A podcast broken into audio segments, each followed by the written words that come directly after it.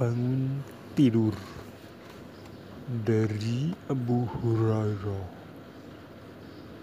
Radhiyallahu ia berkata bahwa Rasulullah Sallallahu Alaihi Wasallam bersabda dan apabila seorang di antara kalian bangun dari tidurnya maka hendaklah membasuh tangannya